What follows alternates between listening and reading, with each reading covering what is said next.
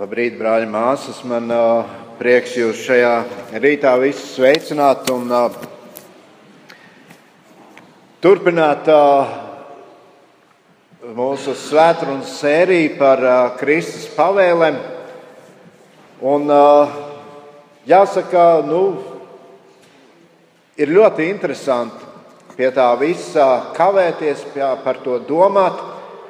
Un uh, taisno ir žēl, ka tā sērija drīz beigsies, lai arī tās ir 30 svētrunas, ko mēs esam daļu no tām jau kopīgi domājuši un apstājušies pie šiem svarīgiem jautājumiem.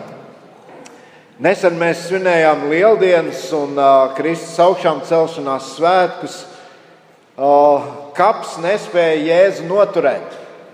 Lai arī lielā piekdiena un tas, ka Jēzu guldīja kapā, aizvēl priekšā akmeni un daudz cilvēku to uztvēra kā lielu atvieglojumu, nu mēs esam vienreiz no tā Jēzus brīvi kaps nespēja noturēt.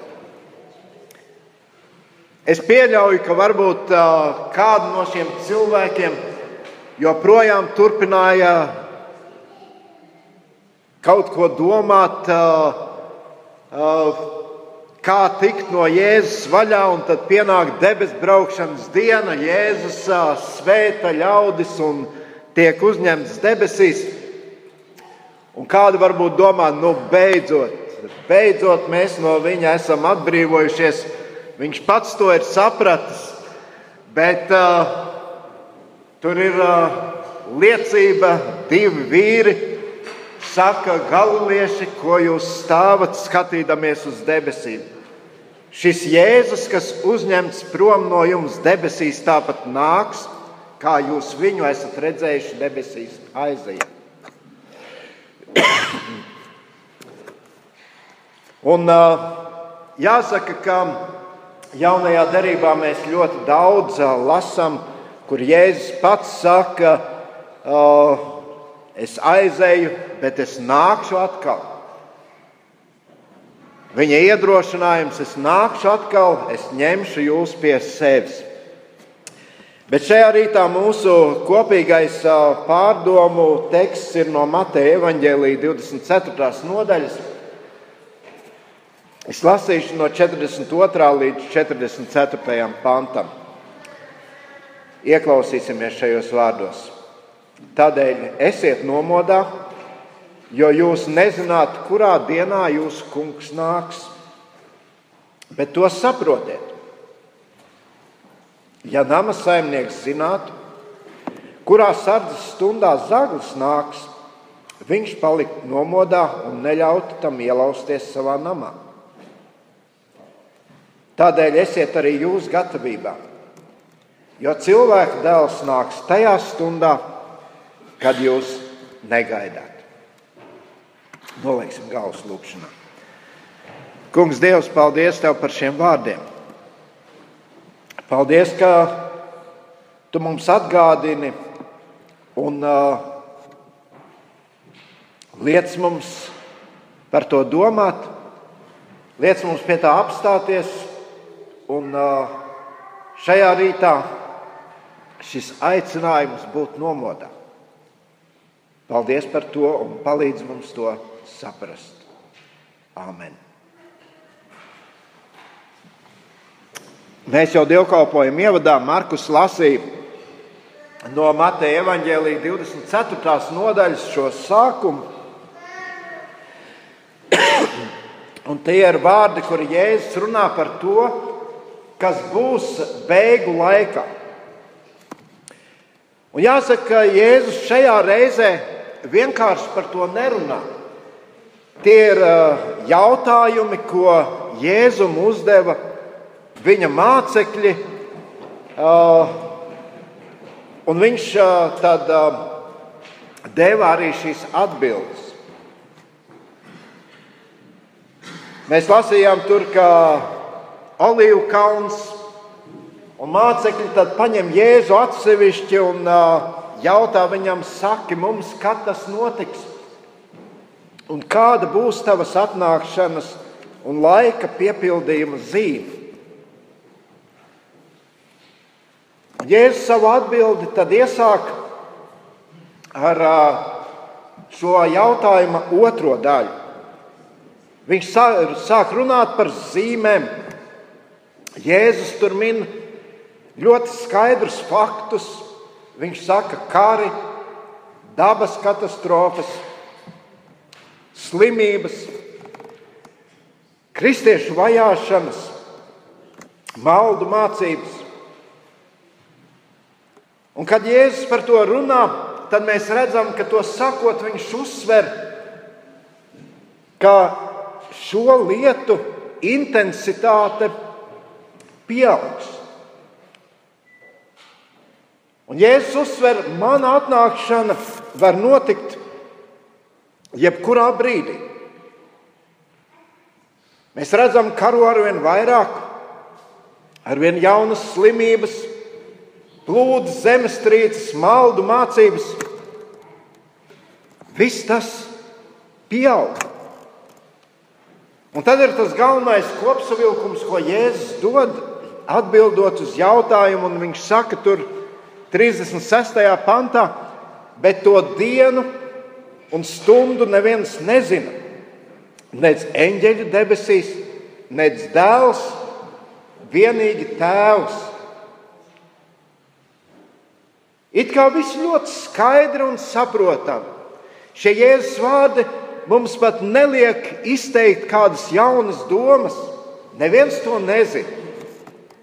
Arī Jēzus pats to nezina. Vienīgi Tēvs. Mācekļi uzdeva divus jautājumus, kādas būs zīmes, un Jēzus to paskaidroja. Un tad ja mācekļi jautā, kad tas būs. Jēzus saka, neviens to nezina. Tikai Dievs, tikai Tēvs. Un tad Jēzus turpina vēl par šīm lietām runāt. Viņš skaidro, ko tas praktiski nozīmē priekš manis un jums. Ko tas nozīmēja mācekļiem, kuri dzīvoja toreiz un kuri sēdēja kopā ar Jēzu un klausījās šajos vārdos? Redziet, Jēzus ne tikai informē viņus par šo faktu, Jēzus ne tikai teorētiski to skaidroja, Bet tas, ko Jēzus šeit pasaka, tam bija jāiespaido katra kristieša Jēzus sekotāja dzīves. Un mēs redzam no vēstures, un mēs lasām arī apakstuļu darbos, un mēs lasām uh, par draugiem, un uh, tur Pāvils raksta vēstules, un arī tad, kad viņš vairs nespēja pats uzrakstīt. Tur ir cilvēks, kas pieraksta viņa domas, jo viņš īpaši labi neredz. Kādas vēstules noslēgumā viņš tomēr ņem spālu savās rokās un saka, tur tagad es rakstu pats ar savu roku. Maranata, tas kungs nāk Cilvēki ar vienu ir iedrošinājuši, kristieši ir iedrošinājuši viens otru, izturi, esi modrīgs, Jēzus nāk. Ziniet, daudz cilvēki mīl iedziļināties un studēt šos sarežģītos jautājumus. Šo teoloģijas zinātni sauc par eskatoloģiju. Un uh, eskatoloģija tad, nu, ir tā, kas pēta ar pasaules galu saistītos jautājumus un uh, pēta visus šos notikumus. Un, uh, ir pat cilvēki, kas mēģina kaut kādā veidā prognozēt, kad šis pasaules gals pienāks. Viņi zīmē, zīmē dažādas schēmas strīdās savā starpā. Un, ziniet, ir labi e, par to visu zināt, bet tā bīstamība ir, ka mēs e, paliekam varbūt šajā teorijā, kad mēs paliekam šajos strīdos, kas pēc kā būs, aizmirstot, ka tas ir saistīts arī ar mūsu dzīvi. Un tieši par to es gribu šajā rītā kopīgi ar jums domāt. Un, ziniet, tā īsā versija manai svētdienai ir šie divi vārdi: esiet nomodā vai esiet gatavi. Jēzus saka šos vārdus. Tādēļ esiet nomodā. Un vārds tādēļ ir tas, kas savieno to, ko Jēzus ir teicis pirms tam, ar to, ko viņš saka tagad. Un šie vārdi nozīmē, ka tu redzi visu to, ka tu redzi šīs zīmes, Un kad tu redzi, ka tā intensitāte pieaug, un varbūt tu pats uz savas ādas to izjūti, viņš saka, esiet nomodā. Jūs nezināt ne dienu, ne stundu, kad tas notiek, kad tas notiks, kad kungs nāks. Grieķu vārds Gregorio, kas latviešu valodā ir tulkots kā uh, esiet nomodā, tas nozīmē, ka tu vēro, ka tu esi vērīgs, ka tu esi uzmanīgs, ka tu uzmanīgi seko tam visam. Un Jēzus ar šiem vārdiem mudina, ka mēs esam šajā uzmanībā, gatavībā, ka mēs esam sakoncentrējušies uh, savai dzīvei un tam, kā mēs Jēzum sekojam. Tu nedrīkst atslābt. Un Jēzus pirms tam ir runājis par daudzām problēmām, ar kurām mēs šodien sastopamies. Un tādēļ ir tas jautājums, ko tas nozīmē būt nomodā? Bieži vien tā mūsu kristiešu problēma ir tā, ka mēs pierodam pie daudzām lietām un pie daudziem terminiem, ko mēs baznīcā lietojam. Mēs dzirdam to dievkalpojumā, un uh, bieži, bieži vien tas tā paslīd garām mūsu ausīm, un uh, šie vārdi nekā neiespaido mūsu dzīves. Mēs turpinām dzīvot tā, kā mēs esam dzīvojuši. Un tāpēc man ļoti gribētos, ka pēc šī dievkalpojuma tā mūsu reakcija būtu drusku savādāka. Ka mēs kaut kā noreaģējam uz šiem vārdiem. Kad mēs sev atgādinām, ej, man jābūt nomodā, man jābūt gatavībā. Esiet nomodā. Vai tas nozīmē negulēt tad, kad acis pašas veras ciet? Esiet nomodā, vai tas nozīmē, nu, lai arī kā man miegs nāk, labi, es iespraudīšu kaut vai sērkociņus acīs bet es būšu nomodā.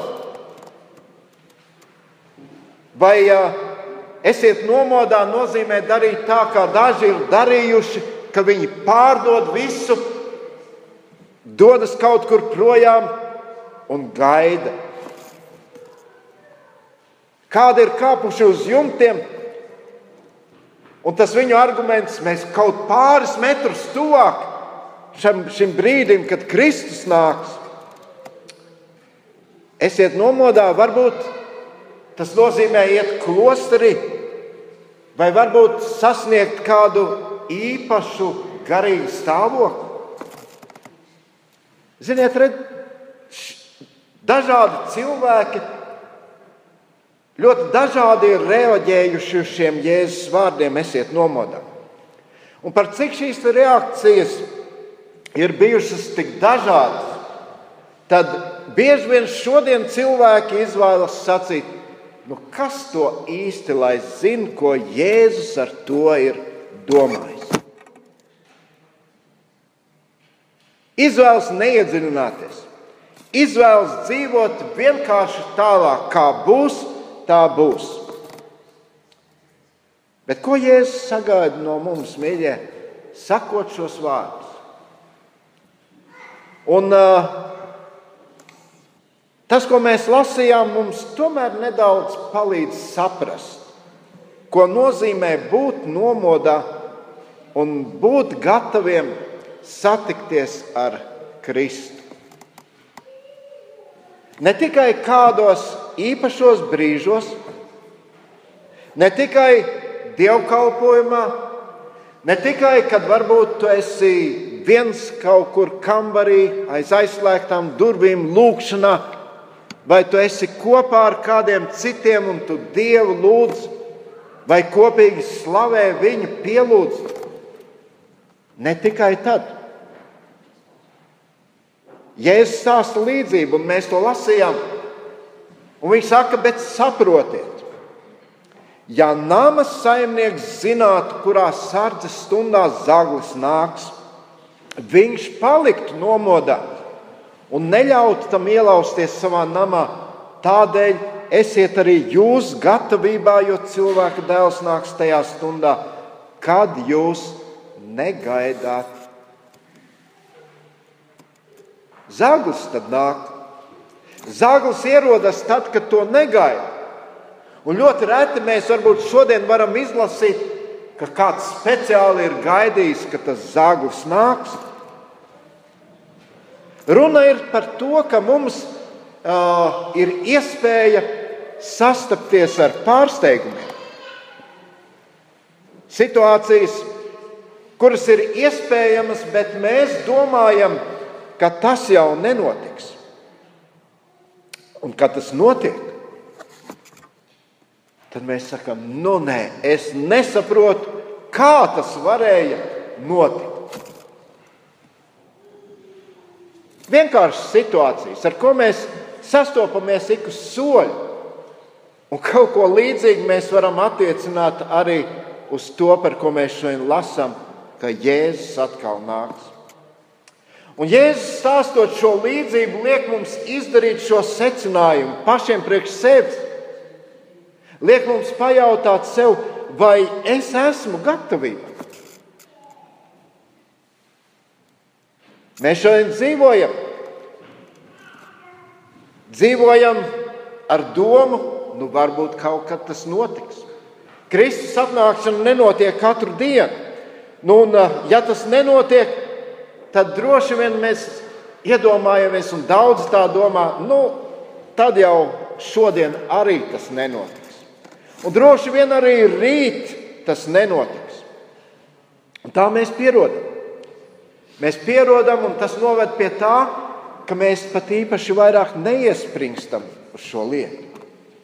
Bet Jēzus saka, tādēļ esiet arī jūs gatavībā, jo cilvēka dēls nāks tajā stundā, kad jūs negaidat. Gatavi. Ne tikai tad, kad mēs par to domājam, ne tikai tad, kad Varbūt šodien mēs pie šīs tēmas apstājamies un mēs visi varēsim teikt, jā, mēs gaidām. Maranata nāc, kungs, Jēzu. Bet Dieva vārds saka, arī tad esiet gatavi, kad jūs negaidāt. Un te nav runa par tiem mūsu dzīves momentiem, kad esam sagatavoti.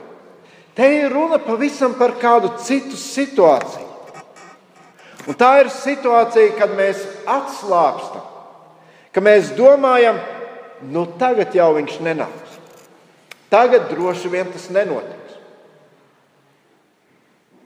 Esiet gatavībā, esiet nomodā.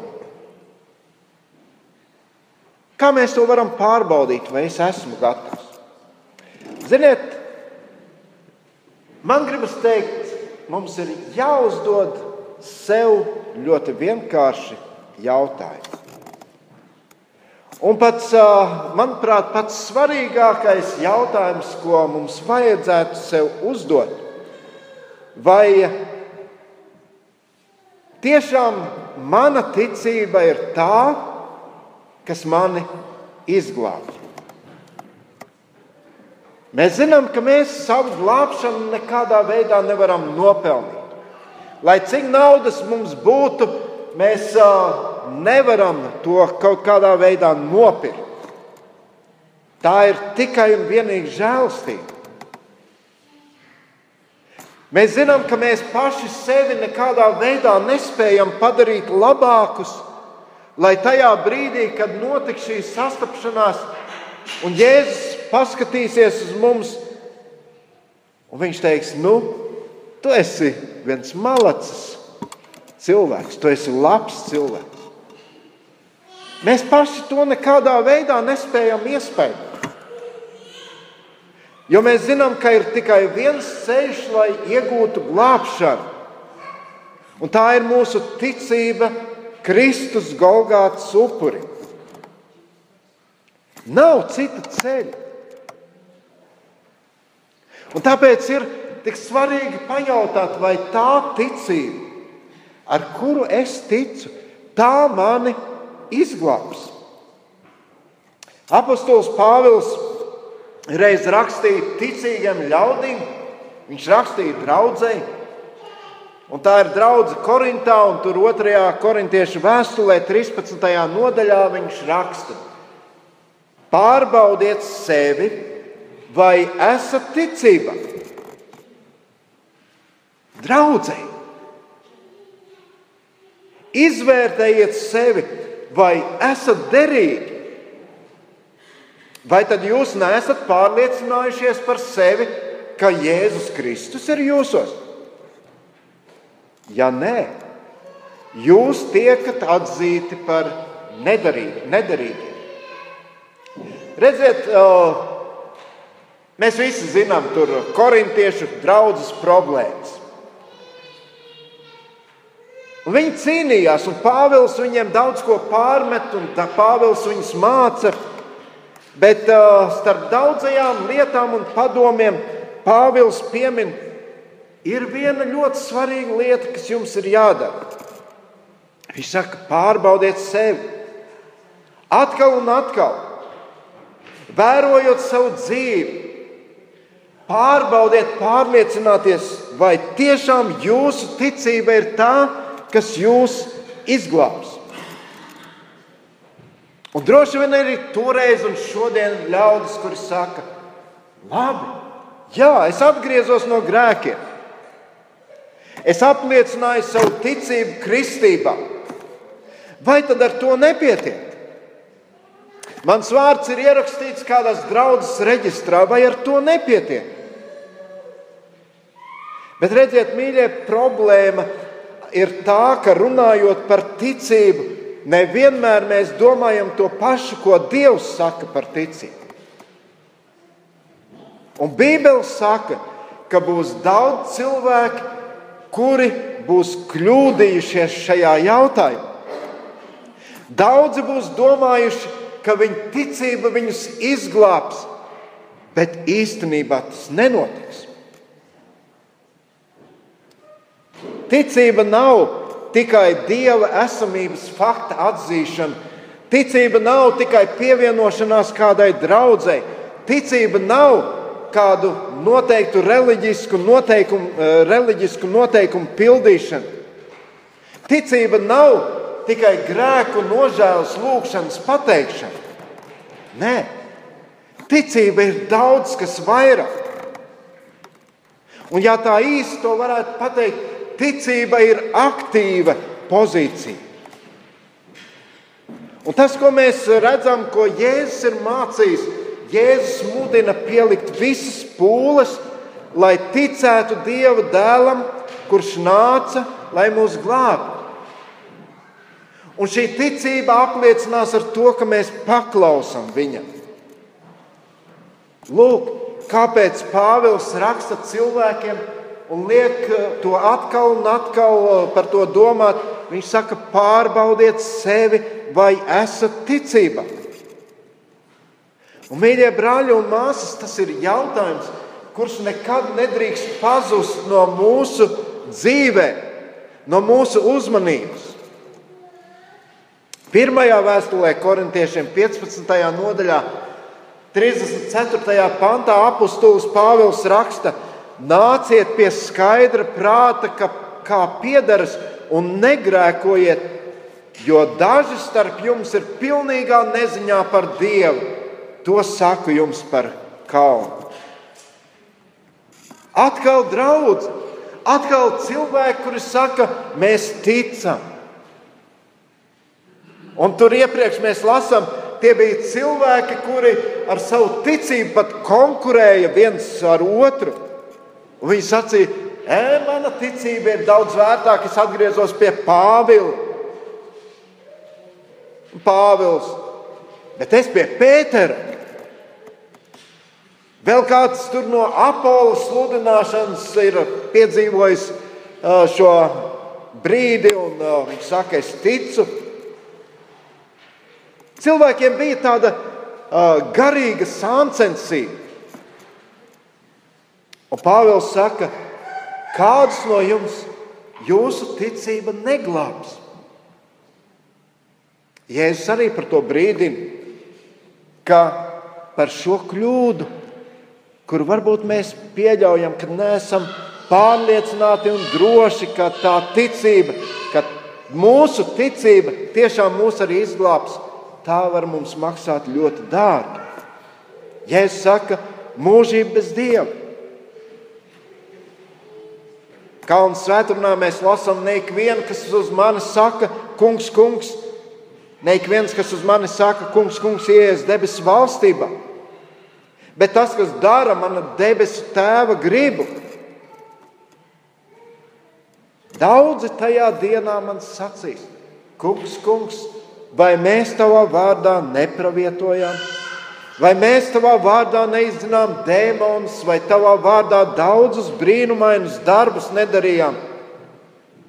Un tad es tiem apliecināšu, es jūs nekad neesmu pazinis, nos no manis jūs ļauni darītāji. Daudz, Jēzus saka, daudzi, daudzi tajā dienā man sacīs.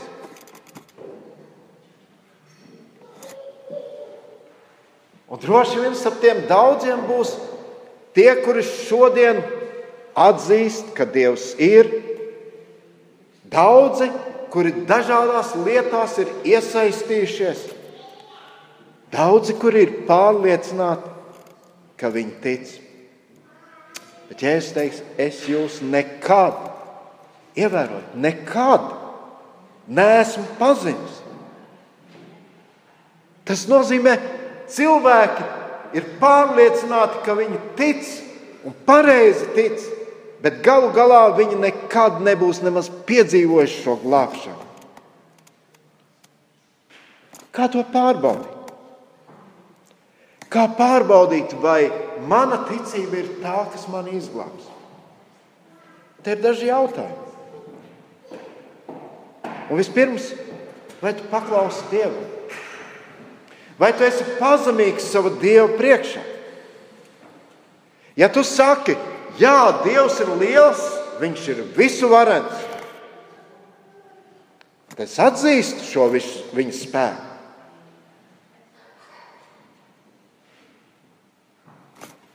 Es bīstos viņu. Jēkab vēstule 4, 6 līdz 7. Tādēļ raksts saka, ka Dievs stājas pretī augstprātīgajiem, bet pazemīgajiem dod žēlstību. Tad nu pakļaujieties Dievam un stājieties pretī vēlnam, un tas bēgs no jums. Ļoti svarīgs jautājums. Vai es paklausu Dievam? Vai es atzīstu, ka Viņš ir valdnieks un es esmu viņam pakļauts? Visā pazemībā es to atzīstu. Vēl viens svarīgs jautājums. Vai tas kaut ko maina manā dzīvēm? Vai mans raksturs mainās? Ļoti svarīgi. Bībele saka, ka glābjoša ticība noteikti nesīs kādu augļus. Un vispirms tas atspoguļojas mūsu raksturā. Mums ir vesela svētdienas sērija par šo tēmu. Varat to noklausīties. Gara augsts. Atgādināšu tikai Galtiešiem 5, bet gara auglis ir mīlestība, miers, prieks, izturība, krietnums, labestība, uzticamība, lēnprātība, atturība. Pret tādām lietām nav bauslības. Mīļie, neiet runa par to, ja, ja tu tici, tad tev jābūt bez maz vai eņģelim. Nē, tas ir pastāvīgs process, kur tu paklausot Dievam, ieraugi savā dzīvē lietas, ko tu atzīsti. Es tur pats nespēju neko mainīt. Un tu to saproti, un tu paļaujies uz Dieva žēlstību. Tu cīnies. Trešais, vēl viens ļoti svarīgs jautājums, kā pārbaudīt, vai tu esi nomodā, vai tu neesi vienaldzīgs pret grēku, vai tu to uzvari, vai tu cīnies. Un, ja mēs runājam par gatavību satikties ar Kristu, tad tā ir ļoti nozīmīga lieta. Pirmā Jāņa vēstule 3.9 saka, ik viens, kas dzimis no Dieva, nedara grēku, jo Dieva sēkla paliek viņā un viņš nevar grēkot, jo ir no Dieva dzimis. Saprotiet pareizi. Ticība nepasludina mūs par bezgrēcību. Ticība nenozīmē, ka tu vairs vispār negrēko. Bet tas nozīmē to, ka tavs iekšējais cilvēks vienmēr pretosies grēkam. Tā būs nepārtraukta cīņa, kurā tu nedrīksti atslābt. Tev ir jābūt nomodā. Tu cīnīsies par grēku. Un, manuprāt, ļoti labi šo cīņu apraksta apustulis Pāvils vēstulē romiešiem, 7. nodaļā. Varat mājās to izlasīt, bet tad 8. nodaļā Pāvils savēl kopā to visu un saka, ja jūs dzīvojat pēc miesas, jūs mirsiet. Bet ja jūs miesas darbus garām nonāvējat, jūs dzīvosiet. Tāda ticība jūs izglābs. Un vēl vienu lietu gribu pieminēt. Mēs noslēdzam. Ko tas nozīmē? Esiet nomodā. Tas nozīmē, ka mēs pieaugam Kristu. Un es vēlos te tikai dažas rakstu vietas no otrās Pētera pir, pirmās nodaļas nolasīt dažus pantus. Un tur ir sacīts, viņa dievišķais spēks mums ir dāvinājis visu mūsu dzīvībai un dievbijai vajadzīgo caur to, ka esam iepazinuši viņu, kas mūs ir aicinājis ar savu godību un labestību. Tālāk mums ir dāvāti dārgi un diženi apsolījumi, lai jūs kļūtu dievišķās dabas līdzdalībnieki, izbēguši no iznīcības, kas ir pasaulē kārību dēļ. Klausieties tālāk, uzmanīgi. Tādēļ pūlieties, lai jūsu ticību vienotu ar likumu, likumu ar atziņu, atziņu ar savaldību, savaldību ar izturību, izturību ar dievbijību, dievbijību ar brāļu mīlestību, brāļu mīlestību ar dievišķo mīlestību. Ja tas viss jums ir un vēl pieaug, Tas neļaus jums kļūt bezdarbīgiem vai neauglīgiem mūsu Kunga Jēzus Kristus atziņā. Neļaus. Jūs būsiet sakoncentrējušies. Jūs iesiet soli pa solim. Un tālāk Pēters saka, tādēļ centieties nostiprināt savu aicinājumu un izredzētību. Tā darīdami jūs nekad neklupsiet. Jums plaši būs atvērta pieeja mūsu Kunga glābēja Jēzus Kristus mūžības valstīm. Esiet nomodā. Esiet nomodā, jo jūs nezināt, kurā dienā jūsu kungs nāks. Un padomājiet, Atcerieties šos jautājumus. Vai tiešām mana ticība ir tā, kas mani izglābj? Vai es paklausu Kristu? Vai mainās mana dzīve, vai mans raksturs mainās? Vai es cīnos ar grēku? Vai es pieaugu Kristu? Un es domāju, šis pēdējais punkts lielā mērā ir arī tas, ka mēs kopā nākam. Mēs mācāmies, mēs uzzinām kaut ko jaunu, mēs uh, sākam domāt par to, kas varbūt uh, mums līdz šim nemaz nav licies svarīgs. Un mēs iedzināmies Dieva vārdā. Dieva vārds kļūst ar vien svarīgāks un svarīgāks priekš mums. Mēs pieaugam. Lai Dievs palīdz, ka mēs šajā laikā dzīvojot, kad daudz saka, pēdējais laiks. Jā, iespējams. To zina tikai Tēvs. Bet kā mēs, tas, kas ir mūsu daļa, lai mēs to varētu darīt no sirds, ar bijību Dievu priekšā, būt nomodā, būt gatavībā. Lūksim Dievu. Devis Tēvs, paldies Tev, ka Tu šajā rītā mums šīs lietas atgādini caur savu vārdu un palīdz, lai Tavs vārds nebūtu tikai tāda vienkārši lasāma viela, ko mēs izlasām, par ko varbūt mēs kādu mirkli padomājam, bet kaut Tavs vārds būtu tas, kas iespaido mūsu dzīves. Kaut tavs vārds būtu tas, pie kā mēs turamies un ko mēs uzskatām par svarīgu, un nozīmīgu un izšķirošu. Paldies arī šodien par šo atgādinājumu. Dievs, mēs varam vērot visu to, kas notiek ap mums. Mēs varam varbūt iedrošināt viens otru, sakot, tas kungs nāk. Jā, Bet kungs palīdzi un pasargā mūs no kaut kādām spekulācijām. Bet pāri visam palīdz mums būt nomodā. Nomodā un darīt to, ko tu, Kristu, no mums sagaidi. To lūdzu no sirds šajā brīdī par sevi, to lūdzu par uh, brāļiem un māsām, ar kuriem šodien kopā šeit esmu varējis būt. Visā pazemībā. Un tev visu godu dodam. Āmen.